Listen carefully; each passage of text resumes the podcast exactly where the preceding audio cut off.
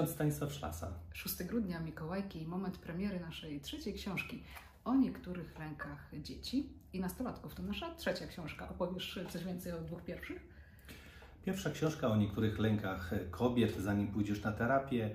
Druga książka o niektórych lękach mężczyzn, zanim pójdziesz na terapię, ale tak naprawdę to, jak rozmawialiśmy w gronie naszego zespołu, to nie są to książki tylko sensu stricte o lękach kobiet albo sensu stricte o lękach mężczyzn, ale tak naprawdę jest to książka o, e, o człowieku, człowieku, który przeżywa lęk, który leży się, e, mierzy się z rzeczywistością lęku, lękliwością, do, doświadczeniami, który stara się bardzo dojrzale przeżywać swoje życie. Dlaczego chciałeś tej książki o lękach dzieci i nastolatków? Dzieciństwo jest czasem e, takim okresem, e, gdzie wszystko się zaczęło, gdzie zaczęło jest źródło e, naszego człowieczeństwa, naszych doświadczeń, gdzie jest również źródło naszych lęków.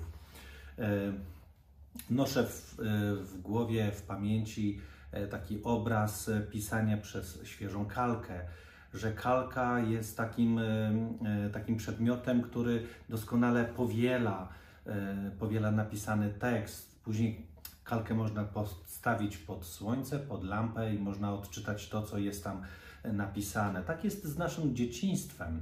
Tam są zapisane e, wszystkie pierwsze doświadczenia, wszystkie reakcje, tam są e, odciśnięte wszystkie te momenty, które jakoś zabolały, czy jakoś przestraszyły, czy wzbudziły jakieś jakieś emocje, to tam są odciśnięte wszystkie e, braki, te momenty, które, te doświadczenia, które powinny się zadziać, a nie miały swojego miejsca i one też zostały odciśnięte. I później, gdy idziemy w dorosłość, już jako mężczyźni, jako kobiety, możemy po prostu czytać to, co w naszym dzieciństwie zostało zapisane. W tej książce przechodzimy ten cały proces od, od dzieciństwa do wieku nastoletniego, gdzie powstaje krzywda. Kiedy jest krzywda, jeżeli chodzi o dzieci? Krzywdę możemy rozumieć jako pojedyncze doświadczenie, jako e, jeden jakiś impuls, jako jeden brak, jako jedna sytuacja, ale e, krzywda powstaje również w procesie, krzywda powstaje w, e, w ciągłym takim doświadczeniu.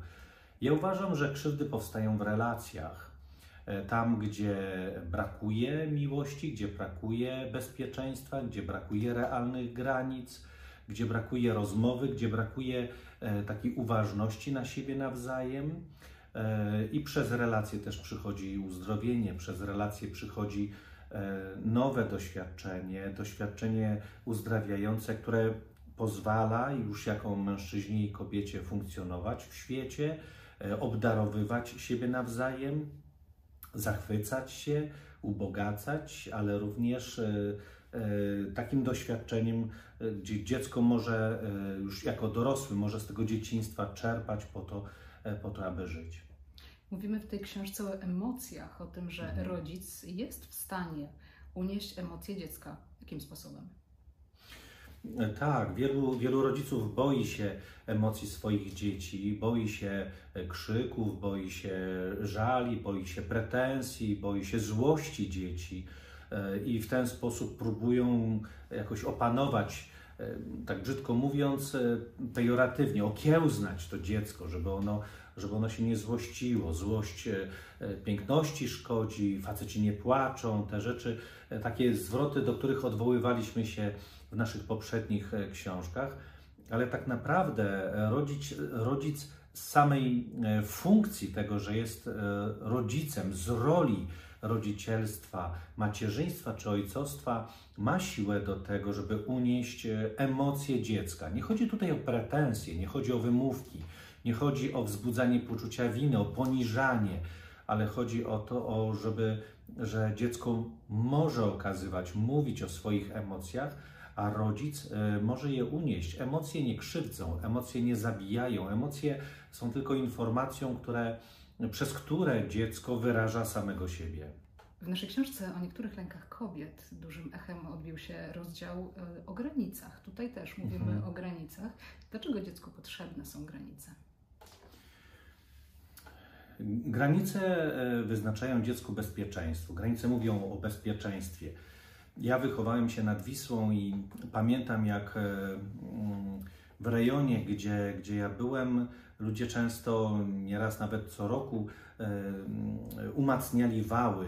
Wały, które miały utrzymać, utrzymać Wisłę w granicach.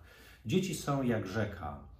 Naturą rzeki jest to, żeby znaleźć wyjście z granic, przekroczyć te granice, poczuć wolność, być wolnym, e, zrobić to, co chce, na co ma ochotę, e, co mu się żywnie podoba, a, a rodzic, e, rolą rodzica, zadaniem rodzica jest utrzymać te granice, utrzymać dziecko w, w, w pewnych kolejnach, w pewnych wyznaczonych, wyznaczonych ramach i dla dziecka te granice E, stwarzają poczucie bezpieczeństwa, bo dziecko wie, co może zrobić, a czego e, nie należy robić, co, co mu posłuży, co będzie, co będzie dla niego rozwojowe, a co będzie dla niego zagrażające. Tak wydaje się, że takie oczywiste jest, że rodzic e, będzie powstrzymywał dziecko, żeby dziecko nie wsadziło palca do, do gniazda, żeby, żeby go prąd nie, nie poraził. I to wydaje się być takim czymś takim oczywistym. Ale to jest właśnie bardzo dobry obraz, że czasami kochać to nie pozwolić, czasami kochać to nie dać. E, I, I tutaj jest takie bardzo ważne dla rodziców mieć taką mądrość, żeby wyznaczyć takie granice, które pozwolą dziecku zdrowo funkcjonować, zdrowo rozwijać się, zdrowo poznawać świat i wchodzić w zdrowe relacje. Co się dzieje, gdy dziecko nie ma granic, gdy ten rodzic nie wymaga od niego?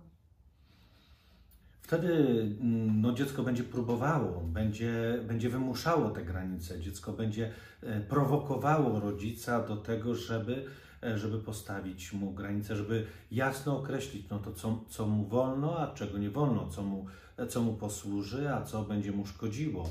E, tutaj jednym z takich elementów y, będą takie zachowania nerwicowe, będą zachowania y, złości, zachowania agresywne. Niektórzy to nazywają ADHD, ale, ale tutaj musimy rozróżnić. ADHD jest też taką chorobą, którą, którą, e, która w dziecku jest, taka ona się roz, rozwija, z genów ona idzie, ale są również takie zachowania e, ADHD, takie nadpobudliwe.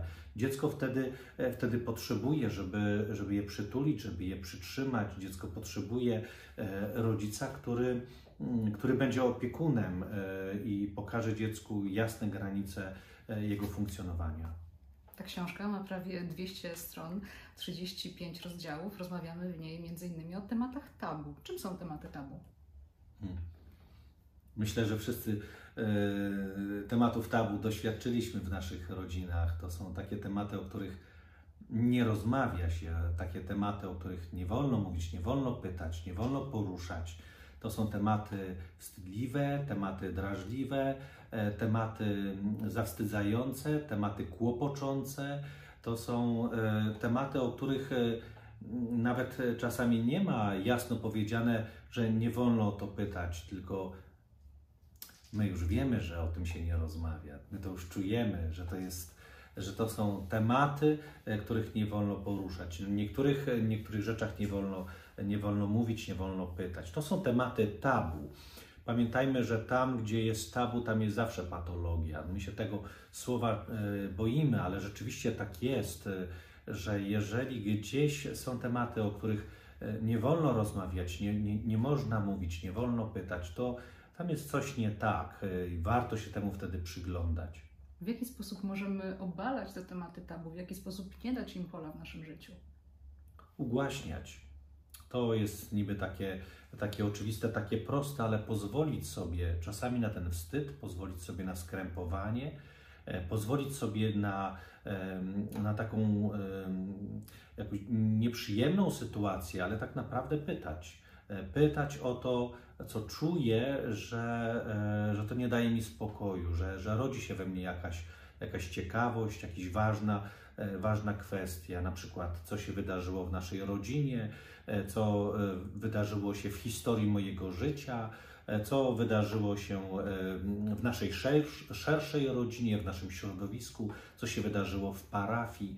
Jeżeli coś jest takiego ważnego, co wzbudza, wzbudza ciekawość, wzbudza zapytanie, to jest, takie bardzo ważne, żebyśmy sobie dawali prawo do tego, żeby, żeby o tym rozmawiać, żeby o to pytać. Wtedy, jeżeli my będziemy mieli taką postawę e, do życia, to też nauczymy nasze dzieci, że nasze dzieci też będą mogły o wszystko zapytać. To będzie dla nich takie, takie naturalne, to, to nie będzie kłopotliwe.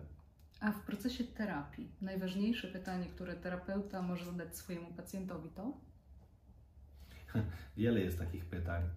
E, nie ma jednego jakiegoś kluczowego, ale wydaje mi się, że takie bardzo ważne e, pytanie, które może terapeuta zadać e, pacjentowi, które niejednokrotnie ja zadaję, to jest takie pytanie, czy jest coś, o co jeszcze mogę zapytać, czy jest coś, o co, o co powinienem zapytać Ciebie, czy jest coś, co e, chciałbyś, abym ja zapytał, a może mi nie przychodzi to do głowy, może to jest coś takiego, co dla Ciebie jest ważne, że nikt Ciebie o to jeszcze nie zapytał, a chciałbyś, żeby, żeby to pytanie padło.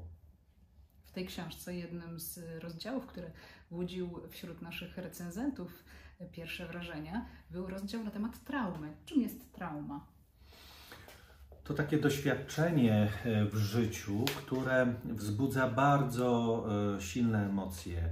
To może być e, jednostkowe takie doświadczenie, jedno takie, jedna taka sytuacja, a może to być jedno takie doświadczenie rozciągnięte na, rozciągnięte na przestrzeni czasu, gdzie dziecko znajduje się w bardzo trudnej emocjonalnie, psychicznie dla siebie sytuacji, czy, e, czy sytuacji zaniedbania emocjonalnego, czy jakiejś przemocy, e, czy jakiegoś nadużycia, e, nadwyrężenia, czy też takiego doświadczenia bycia, bycia niechcianym, doświadczenia zasługiwania.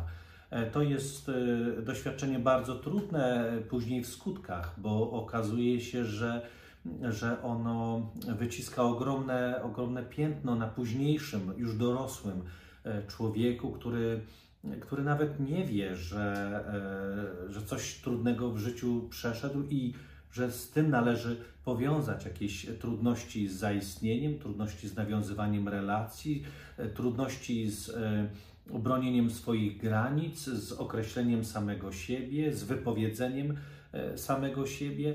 Ja mam wrażenie, że, że w naszym e, dzisiejszym dorosłym życiu najczęściej to patrzymy na traumę jako, że traumą to będzie wypadek, jakaś, jakaś kolizja, strata kogoś, albo traumą będzie, jak ludzie z siekierą po podwórku się ganiają. Ale tak naprawdę to e, traumą może być to, że ktoś notorycznie przez lata był niezauważany, że był nieważny, że, e, że jako dziecko już nawet nie miał pomysłu, co miałby zrobić, żeby, żeby zaistnieć, żeby być docenionym, żeby, żeby być ważnym. E, dziecko, które, które jest blade, takie niewidoczne, nie stwarza żadnych kłopotów, żadnych problemów, o nic nie pyta, niczego nie potrzebuje. To są, to są takie sytuacje, które powinny być takim dzwoneczkiem, który obudzi i powie, coś się dzieje. Po więcej, drodzy, zapraszamy Was do książki o niektórych lękach dzieci i nastolatków już dostępnej w Waszych ulubionych księgarniach internetowych. To cóż, zapraszamy? Zapraszamy, ale pamiętajcie, że to nie jest książka do poczytania dzieciom do łóżka. To nie jest książka, którą Wy poczytacie sobie na dobry sen. To jest książka, która mamy nadzieję poruszy Was, poruszy Wasze ja dziecięce i pozwoli Wam wyruszyć w taką niepowtarzalną e, drogę, drogę do waszego dzieciństwa, tam gdzie wziął początek, gdzie jest początek waszych lęków, traum, trudności, z którymi dzisiaj mierzycie się jako dorośli mężczyźni i dorosłe kobiety. Serdecznie polecamy.